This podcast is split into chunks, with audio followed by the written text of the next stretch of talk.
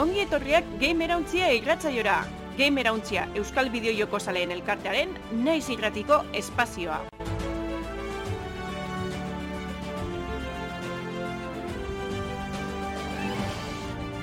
Atzaldeon, eta ongi etorri, ba, ostero, naiz irratian eta naiz irratiaren eskutik egiten dugun Gamerauntzia irratzaiora. Bideojokuen munduko gaurkotasuna landuko dugu, bai hemengoa eta nazio, nazioartekoa ere. E, badakizu hori, bi astetik behin, ostegunetan, zeiterdietan Twitchen izaten ga, zuzenean, eta gero asteartean, behatziretan, naiz irratean. Irratsaioa e, zein bideoa beranduago ikusteko aukera eta e, izango duzue, eta podcasta jaisteko baita e, plataforma anitzetan. Bideojokoen munduan jasotako albiste interesgarrienak ezagutzeko aukera ematen saiatzen gara. Eta hori bakarri, ba, analiziak, eztabaidak eta gehiago bilduko ditugu gure irratsaioan. E, Aste santutako oporraldien ostean albiste piloa daukagu e, komentatzeko, argitaretze data jaso daben bideojokoen zerrenda luze bat, Switch kontsolarako berritasun interesgarri batzuk, Euskal Herriko estudio berri baten e, sorkuntza eta hoi bezala, baina posik ba, euskaratutako tituluen aurkezpena. E, bukatzeko, eduki berezi bat gaurkoan, Munatik Estudio Nafarreko eneko zubiarri izango dugu, gure hau garatzaia da. Eta, bueno, gurekin e, aipatutako guztiei buruz hitz egiteko gongo da baita, programa guztian ziar. Eta baita, e, aurten estrenatuko da ben One Last Breath e, interesgarria orkestu eta horri buruz hitz egiteko. Bai, ni damia naiz eta nerekin daren nola ez, Aritz eta Lander, eta gaurkoan e, bereziki eneko, haupa motilak, Hau pa, Arratxaldeon. Bueno, ba, ba, gaur aritze ibiliko da pixkat eh, realizazio lanetan eta baita komentatzen, orduan, bueno, eh, animo, arit. Ba, bai. Besterik ez da. Ba, ba, hori da, ba, bez, bai, ez, Albistea besterik barik, da. Aurrera. Bideojokoen gaurkotasuna birpasatuko dugu gure albistetan. Bueno, ba, albistika sasi aurretik igual eh, olako urte hurren berezitzu ikusi dugu azken egunotan, orduan eh, aipatu ingo dugu, ez? Ze atxo, bize diren Nintendonak, orduan, bueno, hemen eh, Nintendo sali garen antzako, ba, aproposak, ez? Atxo bertan Kirbyk hogeta mar urte bete bazan, ba, bueno, azken eh, egunotan bere joku barrire jolasteko aukeri uki dugu, ez? E, Kirby and the Forgotten Land, eta hor gabizia e, irratsaioan eh, aipatu edo ez hemen eh, zalantzan, ba, bueno, emongo txago bueltatxu bet eta ikusko dugu. Eta geur, e, saga batena baino joku batena da, dala Nintendo iru eta lauko nire jokurik e, kutxurunetako baten ogota bosgarren urte horrena, Lailat Wars edo Star Fox irurogeita lau, ez, famatu horrena, dua barri roll eta honek kontu denak, ez. Ba, bueno, zorizuna bizeri eta eurrera jarratxiko gu albiste izegaz. Ze, e, atxeden hartzeko aprobetxe dugun horren, ba, puf, bideojokun industria zetopera ebili da azken egunotan, estresantuen, eta ikusi dugu ziragarpenak, e, argitaratze datan baiestapenak, eta gaur bertan, oin e, ordu gitxi batzuk beste e, albiste garrantzitsuet, ez?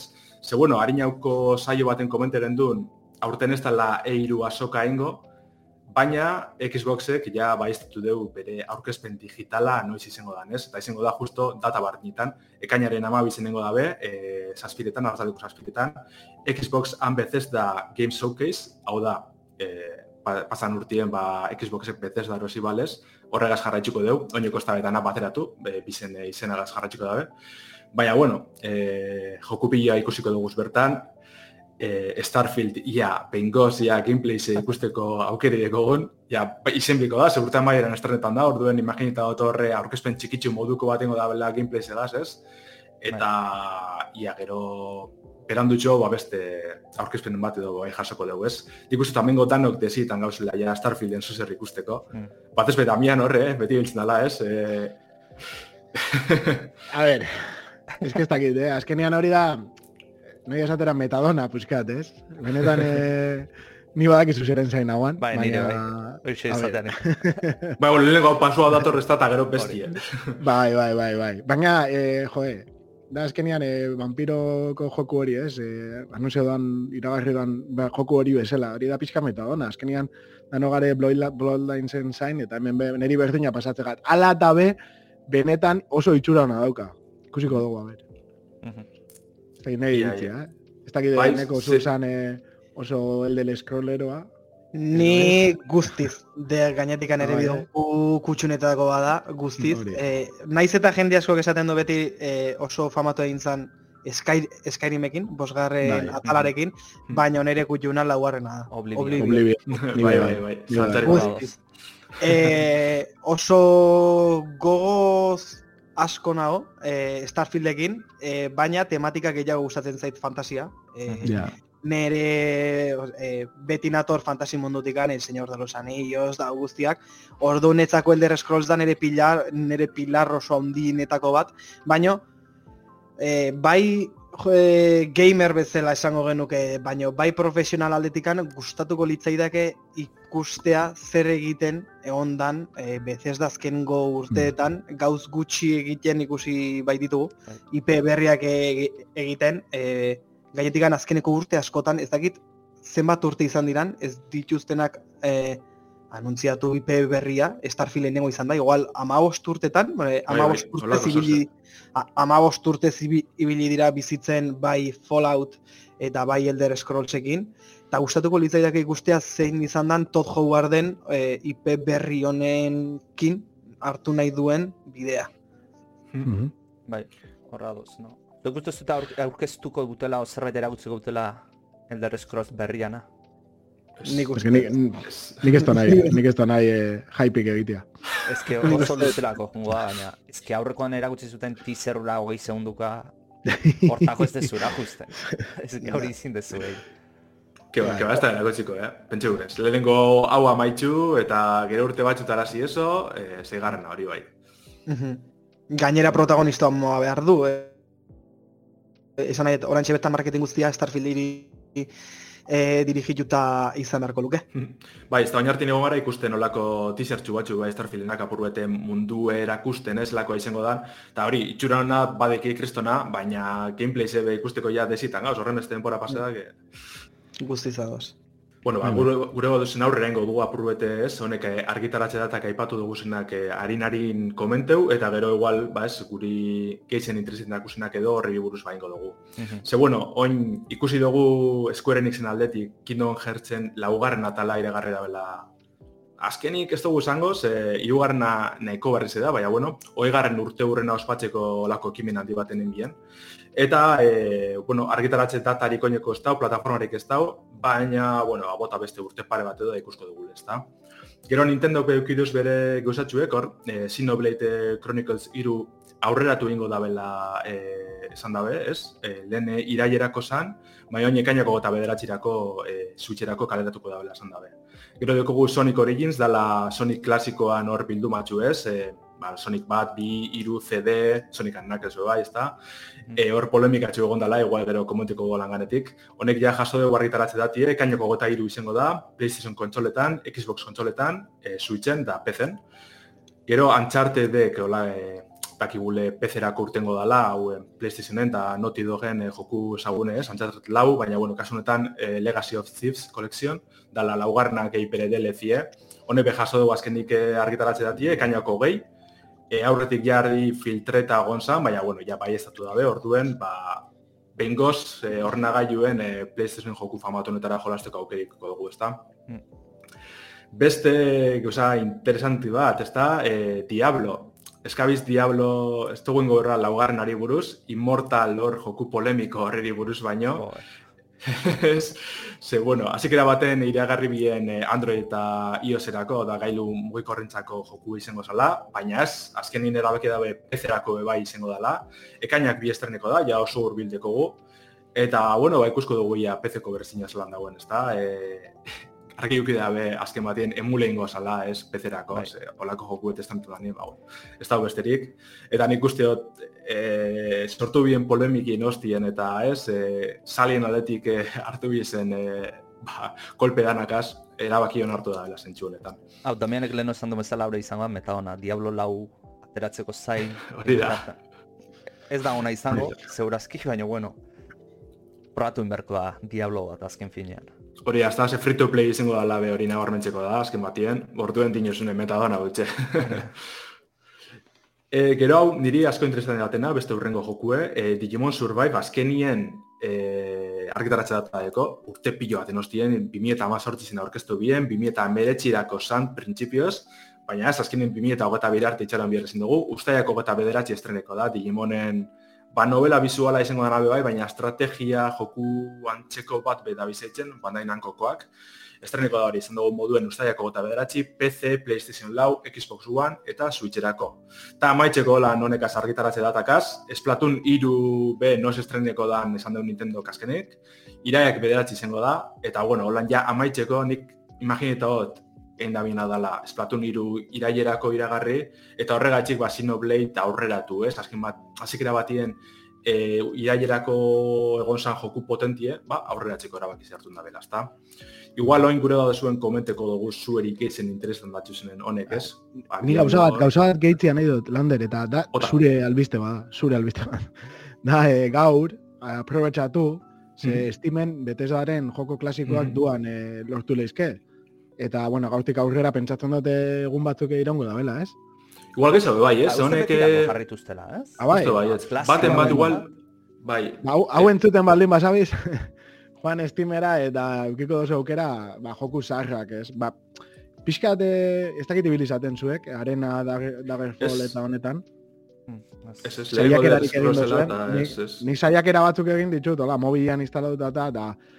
buf, e, ikusten da sarra diela, baina benetan e, pixkat ibiltzen baldin basa, Mhm. badauke, ba, Oblivion eta Skyrim daukan e, barren hori, ez? Eta garai horretarako impresionantia da, benetan e, Mhm. probatzen Mhm. baldin badituzue, kuriosua da. Horreko Hori, te eh? deskargeta, eh? Da, Ja. dut, bigarren era bat, ez?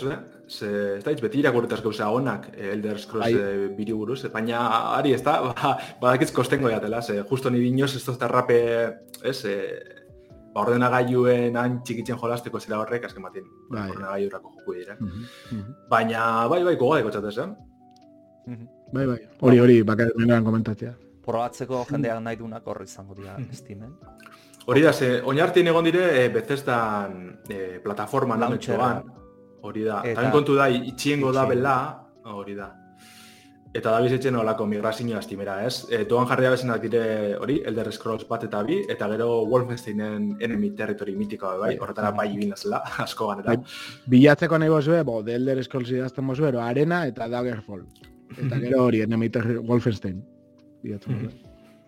Ez dakit honek komentu dugu zenak dizela gitxi gora bera urteko, ez, e, argitalpen potente asko. Ez dakit bat ematek e, benetan arretira ekartzen dutxuen, edo... Eneko zuri igual, Bueno, eske urte hontan mm, ematen zuen hasiera batian izango zela oso potentia, uste e, bideojoko asko atzeratu diela. Mm. E, bat, badeze bi potentenak iruditzen zitzaizkianak bat atera da, Elden Ring. Bestia asko espero nuna zan Zelda Breath of the Wild. bai. Bigarrena, atzeratu dute, eta egia esaten baldin badezue posten naiz, hasiera batean, horrela ez, ez dut aukeratu beharko zein izan den urteko joku oberena, bat edo bestea zein izan den. E, baino, e, hasiera batean, God of War, bigarren atala, azkeneko rebootarena, Mhm. urte hontan atera beharko, ur- urte hontan atera beharko luke. E, Bai. Ez dakigu ez zer, oraindikan eta e, ni pentsatzen nun, e, iruan, e, irugoko azokan esango zutela zerbait, azkeneko asteetan kantzelatu eginda, Xboxek bere lehenengo pausua eman du, adierazteko bere presentazioak izango Mhm. direnak, baino ez dakigu ezer PlayStationi buruz. E, ez daukagu showcasearik, ez daukagu inungo direktorik, zuzenerik, Mhm. ez daukagu ezer. Eta nahi gustatuko litzaidake zerbait ikustera. Gainetikan badakigu e, ofiziala da Cory Barlog, e, leno zen di, e, direktorea orain beste joku baten daudela, beste IP berri batean daudela, eta mm, direktore berria, or, orantxe bertan enaiz goratzen bere izena, baina gustatuko litzaidake ikustea zer egin duen e. Cory Barlogek utzi duen e, arrastoarekin. Mhm. Uste dut e, dauden espektatibak oso altuak direla, eta horrek bildur asko ematen du. Batez ere, sartu behar baldin bazera, e, beste persona batek egin duen, as, e, edo hasi duen saga batera sartzea. Baina, bueno, Cory Barlogek esaten duen bezala, e, pertsona honegaz e, sinistu behar dugu, eta gogo asko dauzkat. Oso, baina, oso gogo asko. Bai, bai, zantzari parik. eiruan Sonic ingo dula ekitaldiren bat, eo Tokyo Game Showra egongo dela zai. Agian eiruan ez, Xboxek anuntziatu duelako Mhm. azkeneko egunetan, ez dakit azkeneko egunak, edo gaur izan den, edo Gaur bertan izan da. bai. gaur bertan izan da, ezta? E, orduan igual pixkat utzi nahiko du, igual adelanta, igual pixkat aurreratu nahiko du e- egun batzuk, aste batzuk, ez zeukitzeko hainbesteko informazio pila. Gainetikan Microsoftena izango da bastante potentea, nire ustez bintzat. Hainbeste estudio txiki dituzte orantxe bertan, bai erdi, ertainak, e, txikiak, handiak denetikan. Ikusi beharko dugu, PlayStationek hartu nahi duen estrategia zein izango den, eta nola egin nahi duen, ze formatutan egin nahi duen. Bai, ze normalin honek showcaseek e, urtea maiera erantza ezaten dire, gero egize da State of Play txikiza hori egizela, ez? Baina aurkezpen handian dize sonina urtea maiera izaten da, baina egize da oin tartien ez tekiela, bez, beste jokurik orduen. Zeu zerren bierko da, be? Zerbait behar dute. E, batez ere hauen marketinga eta pixkat aurreratzeko, espektatibak e, betire anuntziatze baldin badezu, oraintxe bertan God of War urrengo astean aterako da, ez dezuzten mar, marginikan inungo hypikan sorortzeko Mhm. eta jendeak espero eta jendeak bide joku horretaz hitze egiteko atera baino lehen eta lehenengo erreserbak izateko. Reservak hori da. Orduan, gutxinez hiru hilabete izan beharko lukete. Hmm. Eh, Hala nik ez dakit, eh, aurten ikusko dugun God of War, eh? Ze... orain dela gutxi atera da, e, a, e, bueno, orain dela gutxi aste hauetan atera da berri bat e, konfirmatzen dutela eta berriz ere esaten dutela lasei egoteko urte hontan etorriko dela. Ia, ia, Baino maiatzen gaude Ja. eta denbora Ja. azkar pasatzen da. Bai, trailer bakarra ikusi dugu azken batien, joku oso handize da, ba, ez dakitz ba, ez dakitz ba. Ojalá, eh, ze, ja Zelda nagaz nahikoak igule, uste dut nik. Eta olako beste joku handi bet, eh, bierko da, bierko da. Bai. Ni zain hauna Microsoften parteti da e, Forza berria. Forza Motorsport sortzia izango luke, baina izena Forza bakarrik, bueno, Forza Motorsport nahi dute jarri. Azken finean, Gran Turismo zazpiak, naiz eta arazo asko edan izaten, baina bueno, exito horrei aurrein behar die, e, nik ez dakit mm, zein beharko duten, asko mejoratu daukate saga, eta urte asko egon dira ezerre atera gabe, beraz, espero zerbait handia. Nik uste jolas horret determinatu gaula, jolasan nola ateratzen dan, edo ez espero dan, en, o Playstationa erosten detan Gran Turismo nibiltzeko, edo Hmm. edo PC mantentzen naizen e, Forza nibiltzeko. Forzak, ja, ja, ja. Takitza, ze ikusko dugun alde horretatik. Baina, bai, segurunik forza bat eh, horre kaineko serien agartuko da. eh? Ba, bueno, agindu ez dute ofizialki, baina esan dute. Hmm, Ze bestela noiz erakutsi behar dute, bestela urte gehiagi da, eta baina Gran Turismo zazpi kalean dago ja, hau da, Mhm, merkatua jaten nahi zaia, orduan. mhm. Bueno, aurrera ingo dugu, ze bestela beranduko dago azken batien. Bai. Betiko lez. Ba, bueno, en, Nintendoren plataformara Switchera pasatzen gea, eta pixkat en, esperatako azala esan dezakegu, baina bueno, filtrazioak, dataminerrak lanean jardun dira, eta atera dutena da Game Boy eta Game Boy Advanceko emulatzeiak iritsiko diala Switchera, Eta, ba bueno, momentuz Nintendo ez du ezer esan, ez du ez bai ez eta ez ez, ez, ez esan, baino, baina bueno, ez da ukatu ere ez dugu egin, beraz, em, erreka entzuten da togian bakizu uda ura dijoala. Eta bueno, en, izen kode, kodeak dauzkigu, bi emulatzaienak, en, Game Boykoana Iyoko izango luke, eta besteana eh, Advancekoana Sloop. Eta Nintendo Europe, eh, Europe Research and Development ari da eh, bi hauetan lanean. Esan beharra dago, em, bukatu gabe daudela oraindik, bi emulatzaileak, baina em, dauneko erabilgarriak egingo litzatezkela. Eta bueno, jolasan zerrenda bate pixka atera da, em, ez dakit jolas guztiak izango dian, baina bueno, Game Boytik lau jolas bakarrik agertzen dira, nahi gutxi irutzen zaizkit. Eh, egia da Super Mario Land eta The, Legend of Zelda Link's Awak- Awakening eta Tetris daudela, hiru horiek diala super famosuak. Baina nik Game Boytik igual gehiago sartuko nituzke. Eta Ba, desue Pokemonak ez. Bai, ez que adibidez arraute zai, baino Claro, es que Pokemon ez izatean zeana beana, eh, Nintendo beana, izatean bai. Pokemon Companyna ez dakize puntutaraino Pokemon Company onartuko dion hori. Mhm. Eta Eta, bueno, ezaugarri bereziekin izango dira emulatzaileak, ba, adibidez, eh, denboran atzera bota izango duzu, edo zintokitan gordetzeko, multijokalaria ere izango dute.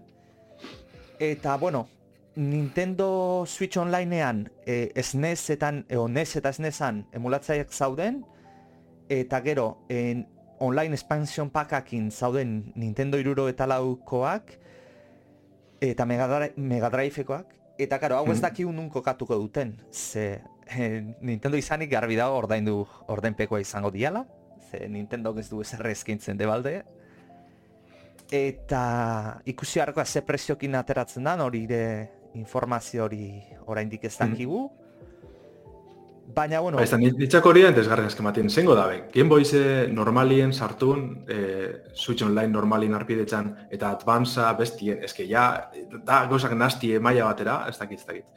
nik uste ja Game Boy bateko jolasak debalde jarri berko lituzkela, ze hortik ja dirurik ez dezu lortzen.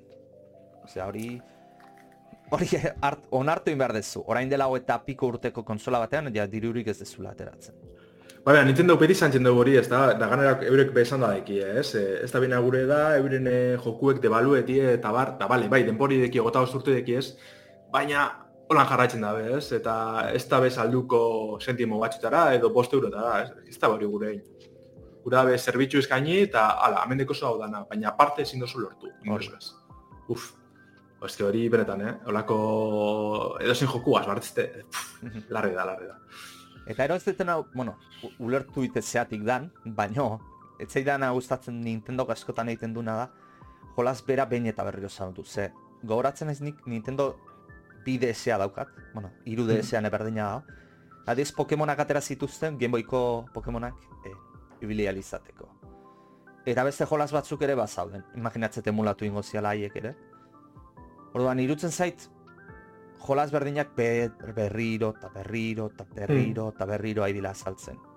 A ber, behaien kulpa ez da, jendeak erosten dion bitartean, logika dauka behaiek saltzen jartzea, diru aterako dut eta.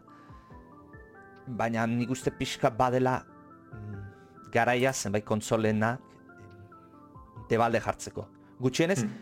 em, esateko, beira, Switch konsola erosi didazu, ba, bueno, opari ematen dizut Game Boyko emulatzaia. Eta jolaz. Nik uste ben- be- pentset dela, oza, ja erosi badazun e, iru dezien hori jokue, jode, mantendu ez, ez egon barriro ere. saltzen, beste parik. Erosi beharrik ez izatea berriz jolas Mm. berdina, orduan. Bai, lehen igual zailagoa izango zen hori, jarraipen hori egitea, baina Mm. ja, Nintendo plataforma Shopetik hori zeituan atera bai, kontuekin. Bueno, eta ondo baderitzo zue, urrengo albistera pasatuko gara. Mhm. Ados. Ba, Japonetik Euskal Herrira itzuliz, e, ba, estudio euskaldun baten jaiotza ikusteko aukera izan dugu, ba, Sajaun Games Bilbotarra da, ba, esatian nahi duten hau, eta azkenian da, Gabriel eh, Fiallegas Euskal Garatzaileak, bueno, e, beste hainbatekin sortutako e, estudioa, ez? Eskema Gamesen e, aurretik ibili izan, bai? E, euskeraz baita topatu leizken eh, Space Revenge eta Delta Squad garatzen.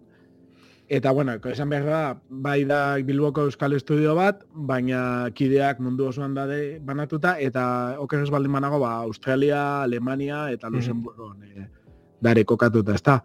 Eta, bueno, ikusteko, eh, ze, ze magnitude, zelako internazionalizazioa, eta zelako, ez dakit, eh, lan egiteko moduak daren gaur egun, baina egia da, ba, azkenean estudio honek zaintzen dabela baita e, euskeratzia, ez, jokuak.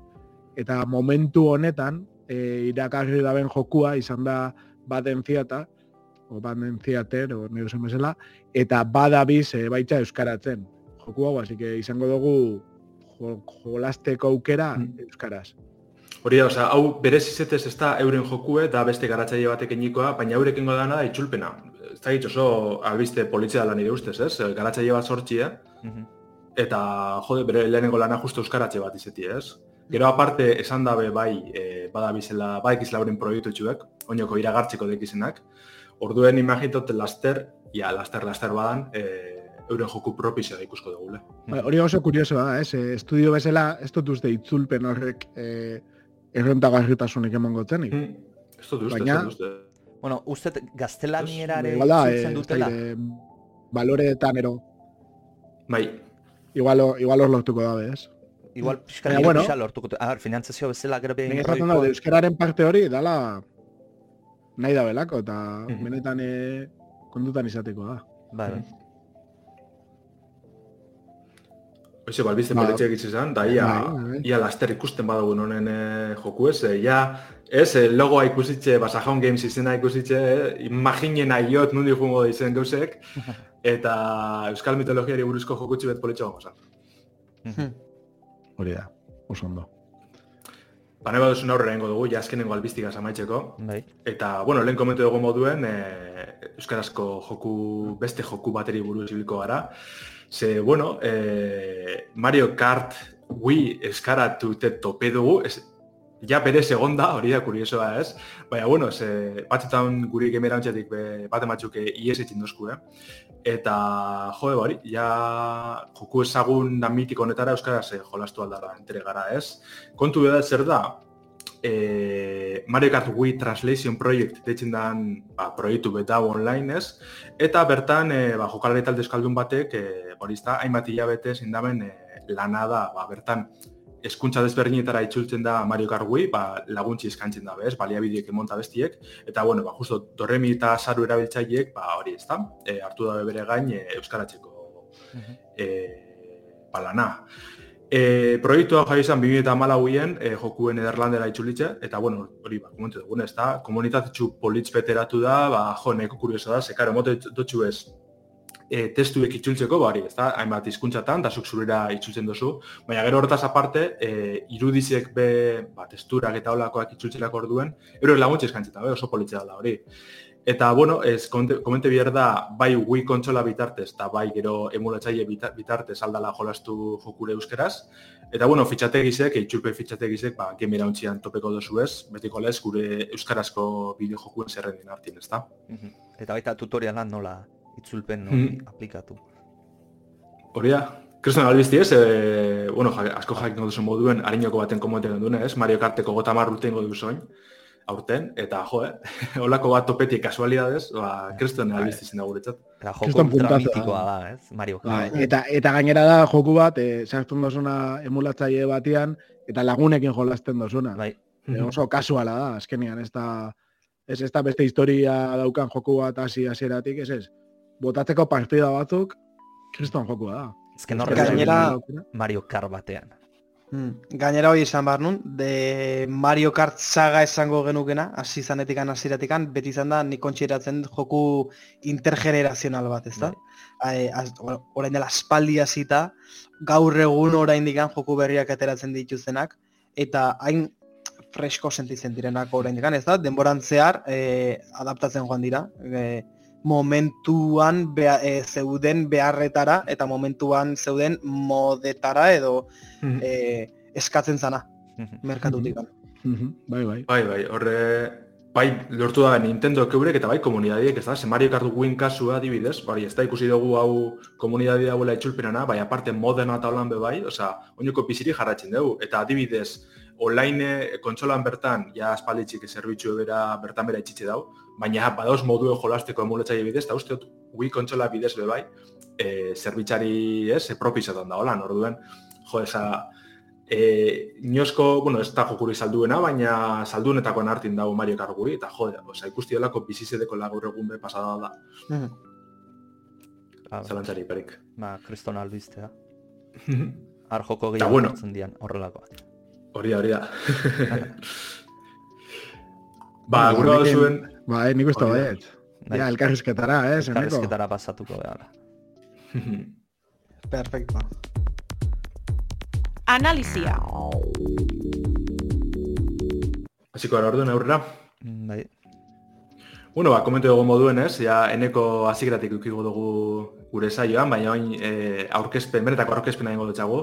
Ba, ez da, eneko zubi aurre munatik estudioseko garatzaile da, eta, bueno, lehen komentu dugu, ne, utxe dabiz e, sortzen, One Last Breath, e, interesgarri ze, ba, aventura eta pusliek e, batuko dauzen, ez, bidimentsio eta erdiko e, titulu izango da, bertan gaian kontrol hartuko dugu, eta, bueno, bere helburu izango da, ezta, e, hiltzeko dagoen mundu bet, e, munduen ba, bizitza salba, e, zabaltzi ez. Ba, neko nahi badozun, ja, apurrete aurkezpentsuen jot, baina aurkeztuzu, keolan sakontasunien e, lan eitzen zabezen joku hau, ezta? Zer ikusiko dugu bertan edo?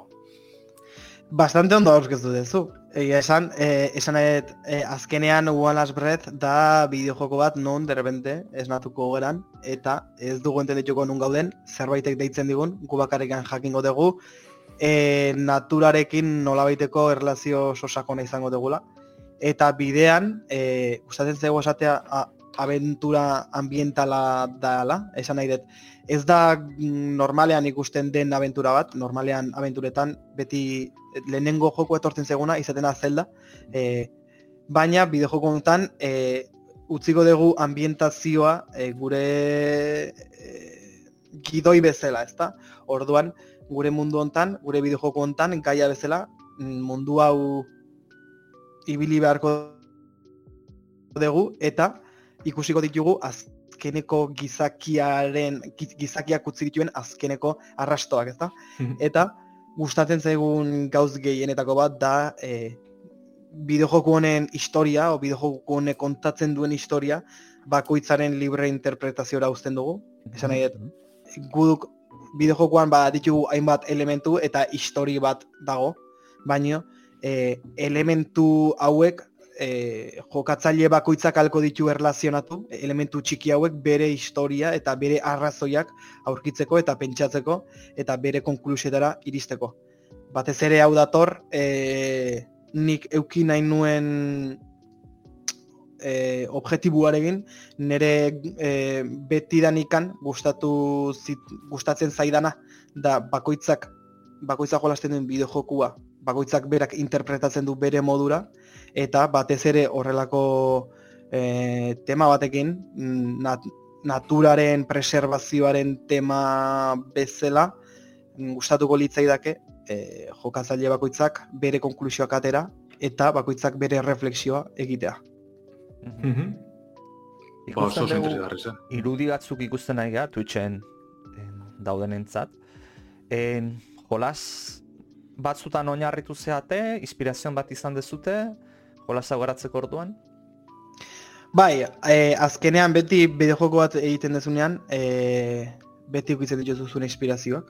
Eta oso argi ikusten da, batez ere personek e, pixka jolasten dutenak eta pixkat industri pixkat ezagutzen dutenak, segituan ikusten dute nundikan edaten dugun, guze zeidiren gure, gure inspirazioak eta oso argi dago, hoietako bat inside dela, ez bakarrikan inside, baizik eta beraien lehenengo egindako jokua, e, limbo. Limbo. Bai. Enpresa Playdead guretzako beti izan dira oso referente osonak, baino gero badaude beste hainbat erreferentzi agian ez direnak oso argi ikusten, baina hortxe daude Little Nightmares eta mm -hmm. Deadlight Tequila Works Espainiarrak eginda, oso argi daude gure gure inspiraziotan, batez ere visualki. Gero uh, entzumeneko entzumeneko atalean esango genuke gure inspirazioak batez ere musikalak direla e, batez ere azkeneko asteetan eta hilabeta eta hilabetetan ari gara hori lantzen eta geroz eta gehiago alik eta gehiago investigatu alik eta gauz politiagok eta inspirazio gehiago lortzen ari gera eta denetikan aurkitzen dugu. Bai bideo joku, bai obra, e, bai pintura edo bai musika tradizionalatikan. Zu gainera, bueno, leno zan diguzu en, alde zaurretik itzite jardun genean, musika mundutik zato zela. zu arduratu zea soinu banda egiteaz, edo... E, Banda sonora egia esan ni konposatu bezala ez dut egin, baina gauzak oso klaro dauzkat, zer egin nahi deten. E, gainetikan gustatzen zaizkit gauz, gauz bakoitzari bere, bere signifikatu ematea gustatzen zait. Adibidez, e, ejemplu bezala, orantxe bertan, orain dela denbora bat egon gera pixkat investigatzen, nola eginda dagoen beste musika. E, ejemplu bezala, adibidez, Insidek, Insiden tematika dela eta, e, orain dela gutxi, aurkitu dugu artikulu bat non konpositoreak aitortu duen egindako musika dagoela grabatuta e, buru, buru ezur batetikan. Ematen emanten dien sentido hori, ez da? Nola bideojokuak e, hitze egiten duen kontrol mentalari buruz, ba, bueno, ba, banda sonora dago grabatuta buru ezur baten barruan jarrita mikrofono bat. Mhm. Ordon, nere aldetikan e, idea asko gustatu zitzaidan entzun nuenean eta irakurri nuenean eta segituen etorri zitzaidan burura alko genukela gure musika egin e, mendira joan eta menditikan hartu hainbat elementu argia e, e, gauzasko eta bertatikan sortu banda sonora bat eta e, eukitzeko bere sentidu, ezta? Esango genuke, e, gure jokuak naturari buruz hitz egiten duen bezala, e, erabili nahi ditugun instrumentuak gauz naturala dira, ez direnak instrumentuak. Mhm. Eta orduan gauztako oso klaro dauzkandik buruan. Ona, eneko gauzatxo bat, eh? Bueno, justo, eh, sinistuko duzu edo ez, baina urrengo galdera, egin behar notzuna, zan e, Josean irurogeta iruk txatean egiten duen galdera berdina. Jokua noiz izango dugu prest, noiz e, argitaratuko da One Last Breath.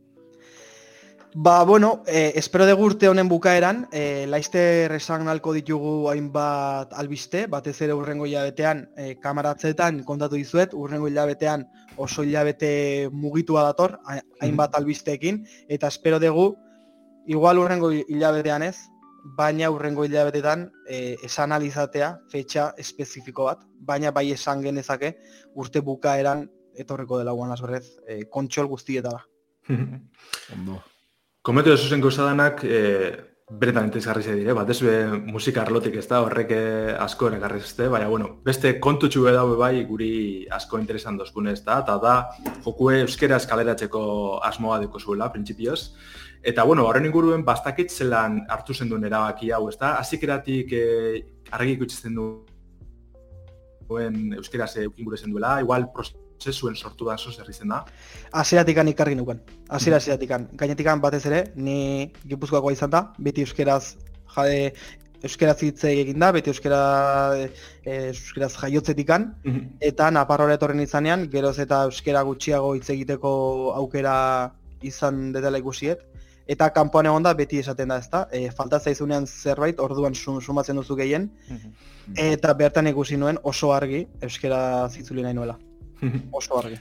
Eta horren ari igual bai da interesgarria komentetie, zelako ostopoak edo egon aldiren ez da, e, bai garatzerakoan eta bai argitaratzerakoan, ze igual e, depende plataformi edo horren arabera, ba, ez, ostoporen bat edo beste ikusi aldugu. Ba, egia esan, gaur egun guri oraindik ez digute inongo oztoporikan jarri. Mhm. Or, or, oraingoz, gainetikan esan genezake e, hizkuntza askoetara e, itzuli nahi dugula bideojokoa. Aprobetxatu nahi dugu gure bideojokoak duen testu multzoa oso txikia dela. e, nahi dugun egin guztia minimalista baita. Orduan, gustatuko litzaiguke e, hizkuntza askoetara itzultzea. Bai katalana, bai euskera, euskera printzipala da, euskera nik oso argi neukan. E, hasiera hasieratik baino etorri zaigu aukera e, hizkuntza gehiagotara argitaratzeko. Eta baina egia esan guri or, oraingoz ez Sonic, ez inungo enpresak ez digu inungo arazorik jarri.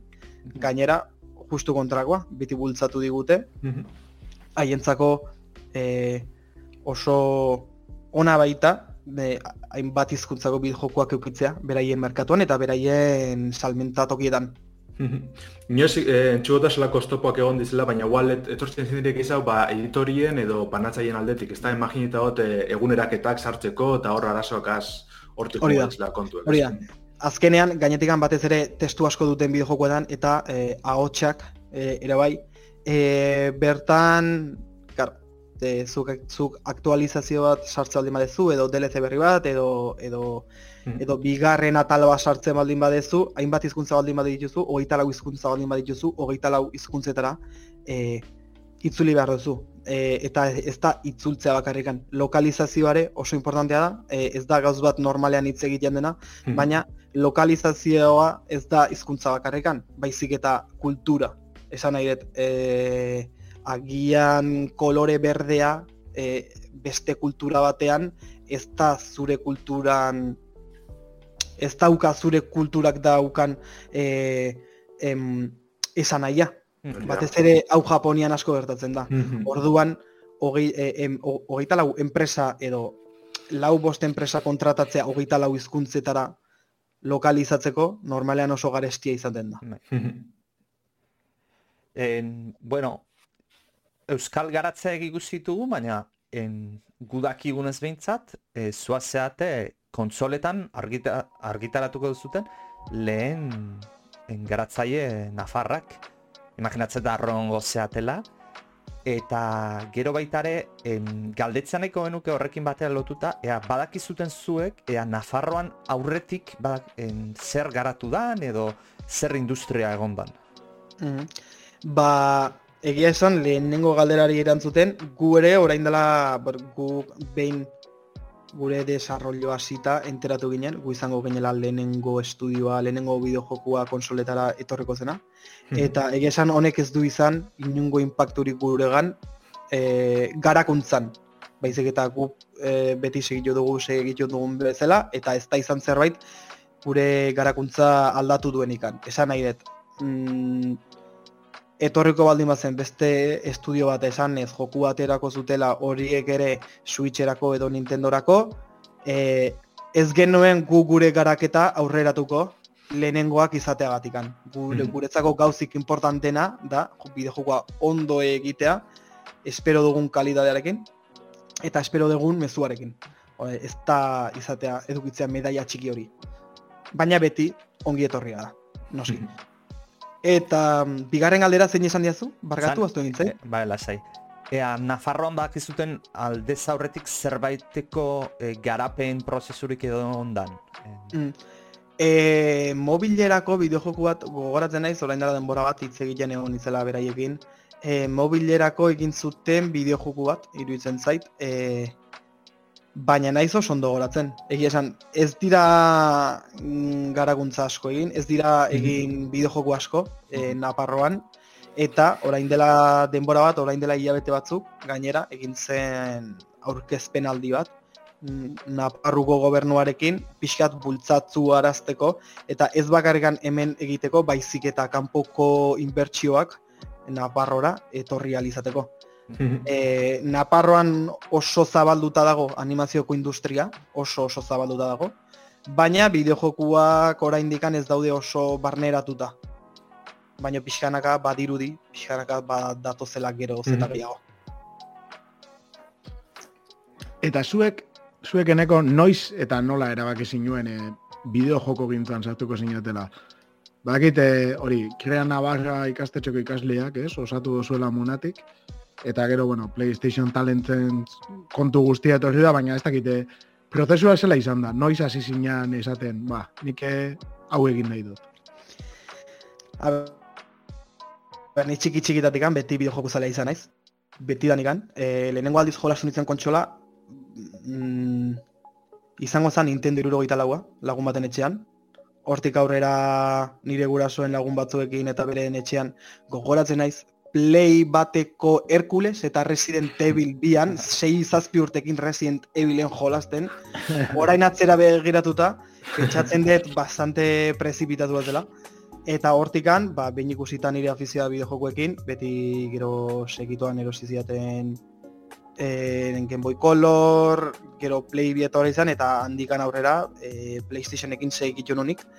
Batzuetan Nintendoko konsola bat, batez ere Nintendoko konsola portatilak, beti asko gustatu izan zaizkit. Eta orain dela bost urteko gauza izango zen, e, betikoa ez, e, zerbait estudiatzen ari zera, baina ez dakizu zer egin nahi duzun hori bukatuta. Ni marketing digitaleko kurso bat egiten ari nintzen, Eta bastante kurioso izan zen, e, behin klasean bertan, bideoak begiratzen, ikusi nituen prozesu bat, ezta? Nola, sor, nola sortu prozesu bat Unreal Engineko motorren sortzen. Eta momentu hortan iruditu zitzaian bastante erresa zela. E, oso erres egiten zuen bideokoak eta bertan planteatzen hasi nintzen zer egin nahi nuen bideojokutan. E, hasiera batean pentsatzen duzu bideojokoak bakarrikan egiten dituzela edo programatu edo pintatu. Eta nik ez enekien programatzen eta pintatzen oraindik gutxigo. Oso txarra naiz. Baina behin sartu nintzen eta pixat ikusten hasi ginean hainbat papel, hainbat e, pertsonak egiten dutela lan bideojokuetan, ez da? Bai produktore, bai diseinadorek, eta jende asko konfunditzen du diseinadore bat, diseinadore batek egiten dula pintatu e, eszenarioak, pertsonajeak eta bar, baina guztiz kon, gu, guztiz aurkakoa da. Bai. Eta lehenengo artistikoa, ero bideojokoen diseinua, ez? Os, Hoi da. oso oso desberdina. Azkenean diseinadore batek, ni bezala, por ejemplo, ni diseinadore bat kontsideratzen naiz, nik diseinatzen dut bideojoku esperientzia. Nik ez, nik ez dut diseinatzen visualki, nik diseinatzen dut eh, zer nahi dudan zuk momentu hontan sentitzea eh, pre, eh, azaltzen dizuten problematikarekin edo aurkitzen ditugun arazoak nola resolbituko ditugun modu egokienean. Eta lehenengo egunetikan, e, diseinuko klasean egoela klasean, mm, erabaki nun, hori egin nahi nuela, asko gustatu, nahi betianikan asko gustatu izan zait e, esperientziak sortzea, bai interaktiboak esango nuke, edo bai historiak, zure burun sortzen dituzun historik, eta egun hortatikan gaur arte, goiz arratsalde eta gau lan egin dut, orain gauden puntua arte iritsi arte. Barkatu, eh, neko hemen pixkat interdisciplinaritatean rol jokotan eh, jo- jokatzen duzu? Ez bideo jokotan, rol jokotan bestela? Beti gustatu izan zait jolastu izatea, batez ere master bezala, ezta? Zuk sortzen dituzun historiekin eta Bai. e, zuk sortzeko zuk sortzen dituzun e, erreglamentuekin, je, beste Bai. personek disfrutatu ahal izateko zu sortu duzun mundu horretan, baina inoiz ez dut eduki inungo por, e, aukerarikan jolastu ahal izateko edo sartzeko mundu honetan, baina mm, Ba, oso, oso profil, profil interesgarria daukazu, eh? Ite bingo dugu. oso ondo. E, Pixa galdera bat, e, eneko zurekin ari gaitzeiten, baina e, munatiken e, zenbat zeate, en, zea bat daukazute, estudio finko bat, edo pixa munatikeatik itzen Mm. ezazu.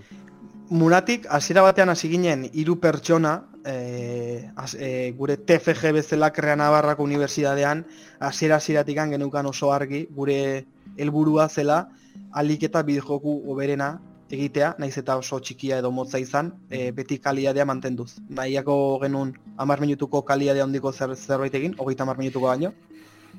Eta segituan, erabaki genuenean zer bideojoku egin nahi genuen, pe, ikusi genuen laguntza behar genuela, eta bertatikan beste bi personekin hasi ginen lanean.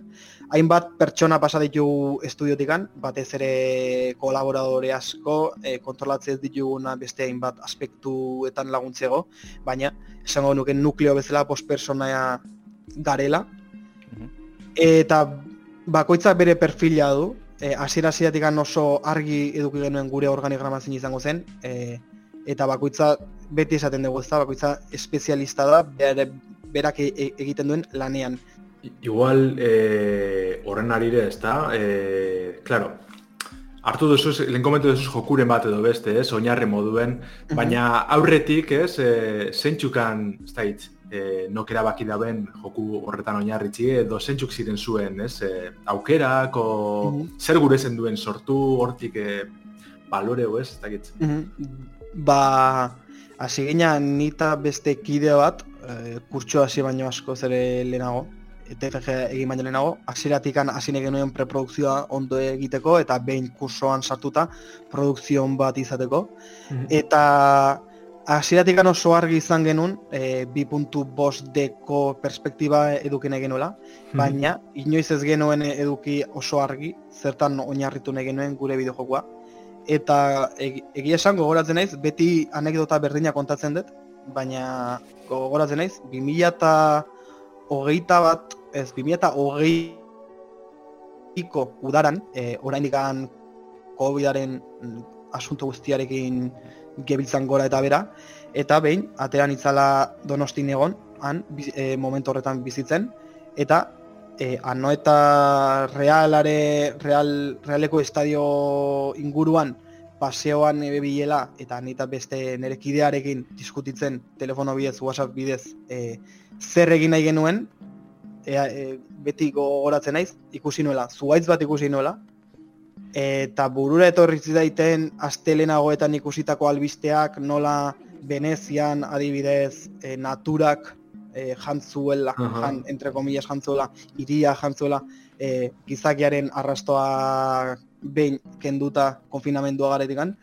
eta gogoratzen naiz momentu hortan beran, bost 6 minutuko WhatsAppeko audioa biali niola, e, kontatuz e, zer egin genezaken, e, zertan eta ze mezu zabaldu genezaken, beti izan baigera, beti gustatu izan baizegu naturaren preservazio aldeko mezuak zabaltzea, eta hortikan etorri izan dena. Gero esaten duguna ez da, e, guk errueda jarri gerizkion kotxeari, eta gero kotxea pixkanaka bera juntzan e, sortzen bakoitza bereari. Azkenean zuk, forma txiki ematen diozu, baino pixkanaka e, proiektuak berak esaten dizu dauzkan e, beharrak. Gero lehenengo gara buru komentan ez, motor grafikoak gora eta bera Unreal Engine daulakoak. Zelan erabaki dozu ez, e, baser aukeratu, zega sortu zuen lan hau edo bideo hori hartzia? E, ba, egia esan, izan zan, e, ni momentu hortan, beti diseinadore bezala, beti gustatu izan zait, lehenen, lehen esan dizueten bezala, diseinua dedikatu nahi, nahi nuen momentu bertatikan, beti saiatu izan naiz ordu asko lanean, baina beti behar dituzu perfil diferenteak, beti behar duzu artista bat, gutxi inez, Mhm. diseinadore bat, eta e, programadore bat.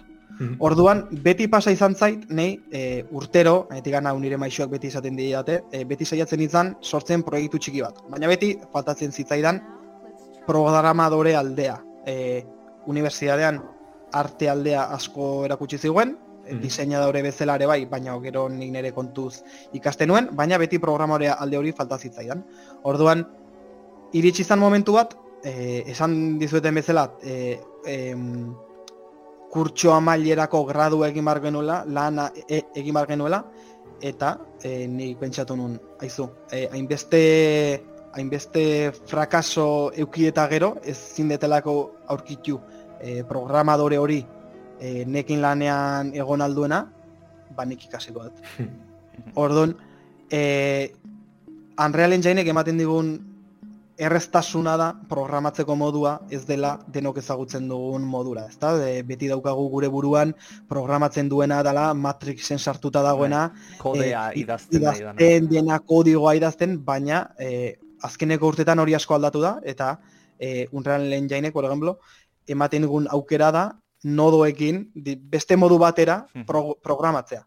Programazio Orduan, grafikoa esan daitekena, menos. Hori da, programazio bisuala. Bueno. Orduan, nik hau n- udaran zehar ikasten egon itzen pila bat, pila bat, egunian amabost, amasei ordu sartzen hainbat kurtsuekin, eta pertsona hau etorri zenean, eta esan zianean, aizu, bueno, ze ingo dugu, o zukin zerbait nahi dut, nik gauz bat oso argi utzinean. E, egingo dugu, Unreal Engineen. Nik programatzen ikasi etontan gutxi gora bera, eta hola, aseguratuko naiz, proiektu ez dela ero, eroriko. Nik, Mm. nik eskua e, bakarrik jarriko dut zutan neregatikan, momentu horretan. Mhm. Karo, orain gauzak asko aldatu dira, eta orain jarriko nuke eskua, ba, nire, nire kide guztien gatikan, badakitelako, bakoitza oso komprometituta dagoela bere lanean. Baino, e, orain dela urte batzuk ezen hola. Mhm. Eta egia esan nolaxi izan zen gure erabakia. Ezan izan inungo bea, em, bea, gu- gure proiektuak behar ezberdinak zituelako eta behar horiek Unreal Engine bakarrikan ematen zizkiguelako. Baizik eta nik hor programatzen dakit, Mhm. eta nik hor nahi datekin bai edo bai. Hori hortik abiaratu zinen eta listo, baina, bueno, aukera nahiko arrunte ez, gero eta gehiago gane da, un realegaz adibidez, edo ez duizu txikize bai Unity asko eta olakoak ez, imaginita dut, baina, bueno. Eta igual amaitzeko galdera beti askotan egiten deguna da, en, Euskal bideojoko industria en, ze goratan ikusten duzu, eta uste zu posible dela aurrera ateratzea, hemen Euskal Herrian dauzkagun maila tekniko eta, eta bueno. Nik uste dut geroz eta gehiago.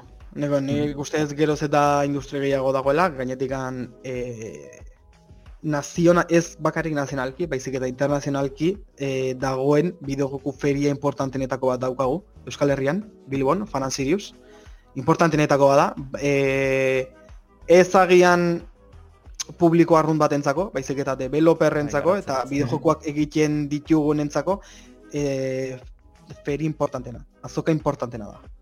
Eta geroz eta gehiago ikusten da, badirudi geroz eta apoio gehiago dagoela, beti ere pixkanaka ikusten denez e, publikoki, e, esan dut, mm, laguntza gehiago etortzen dira normalean, eta badirudi interes geroz eta gehiago dagoela alde, pub, alde publikotikan ikusten dene ikusten delako, Mhm. e, geroz eta importantzi gehiago daukala bideojokoak e, gizartean. Eta zori bagarrik ez da, ikastetxiek be, gero eta gehiago gabiz ikusten, bat ez be Bilbon, baina be bai ez, e, ba, Kranabarra deko gor, da beste batzuk be bai gabiz ikusten hor e, sortzen da bizela. Orduan alde horretatik be, ez, e, esango dugu kantera aldetik, e, jo, gero eta jergeiza dabil, eta hori be aprobetxeti garrantzitsu zingo zan, ez da? Hori da, saiatu behar da, sai, saiatu behar duguna, o ez dakitugu izan behar garan, edo saiatu behar denak globalki esango nuke, e, zemateko responsabilidadea inorri, em, dagoen talentua bertan mantentzen. Talentu pila bat dago, pila bat. Baina talentu hori gehien bat kanpora juten da. Ez da ez daudelako incentibo incentibo nahikoa hemen estudio bat sortzeko eta bertan geratzeko. Orduan, e, egin behar dan lana da bertan e, ematea aukerak e, potentzial honi. Hor guztiz a- ados gaude beti izaten dugu eta hori. Hori da, ba, ez dakit segure duzu, azkenengo galderatxo moduen, ia ze joku aukeratuko zen edo joku bet esan bierba dozun, ez? E, galdera tipika izaten da maitzeko elkarrizketak. Zein aukeratuko zen duen? Zein da zure biziko bideo joku? E... Zelda, Zelda. Gehat, gehatuko nitzake Ocarina of Time egin. bueno, guretzako nahiko proposa, ez? Egin, hasikerako podcasta eukikitzen duen egen berantzian, bueno, hemen aritz eta lamian ibitzela gehizen batez, baina denboraren okarina Bai. deitxute. Osa proposa. Eta, eta bai, Honen, izan. eh, honen izen sekretua, podcast honen, oza, irratxai honen izen sekretua denboraren okarina. Esan da. sekretua, ja. Horantxe gabiz, bai. E, Zuaz ados nau, da ontxe momentuen Steam dekan e, PC-ko porta aprobetx eta barrio errepasetan nabiela esan bihar dut, orduen ados ados horregaz. Ba, ez dakit, e, ez da amaitzeko One Last Breath, aurten laster jakingo dugu geisha operari buruz, e, Munotek Studios e, Nafardarren eskutik. Ia, ia horrek albiztiek jasotzen dugu zan, eta bidizo barrizek, trailer barrizek, ez, e, ia lasterteko guzan gure artien. Hori da. Laizter etorriko dira albistea, albiste asko eta aga- eta agian probatzeko aukerak. Uh, hori interesatu Ba, zen. Ondo, ondo, ondo. Bai, bai. Des, desitan gabiz, osake, edarto. Ba, mila eskereneko. Zuei. Hola, txamatxiko dugu urrutzaia, ez da? Hori da. Agur. Ale, aurrengo astarte. Bai, urrengo. Bi arte. Hori, hori. Venga. Ale, Agur, ondo bili.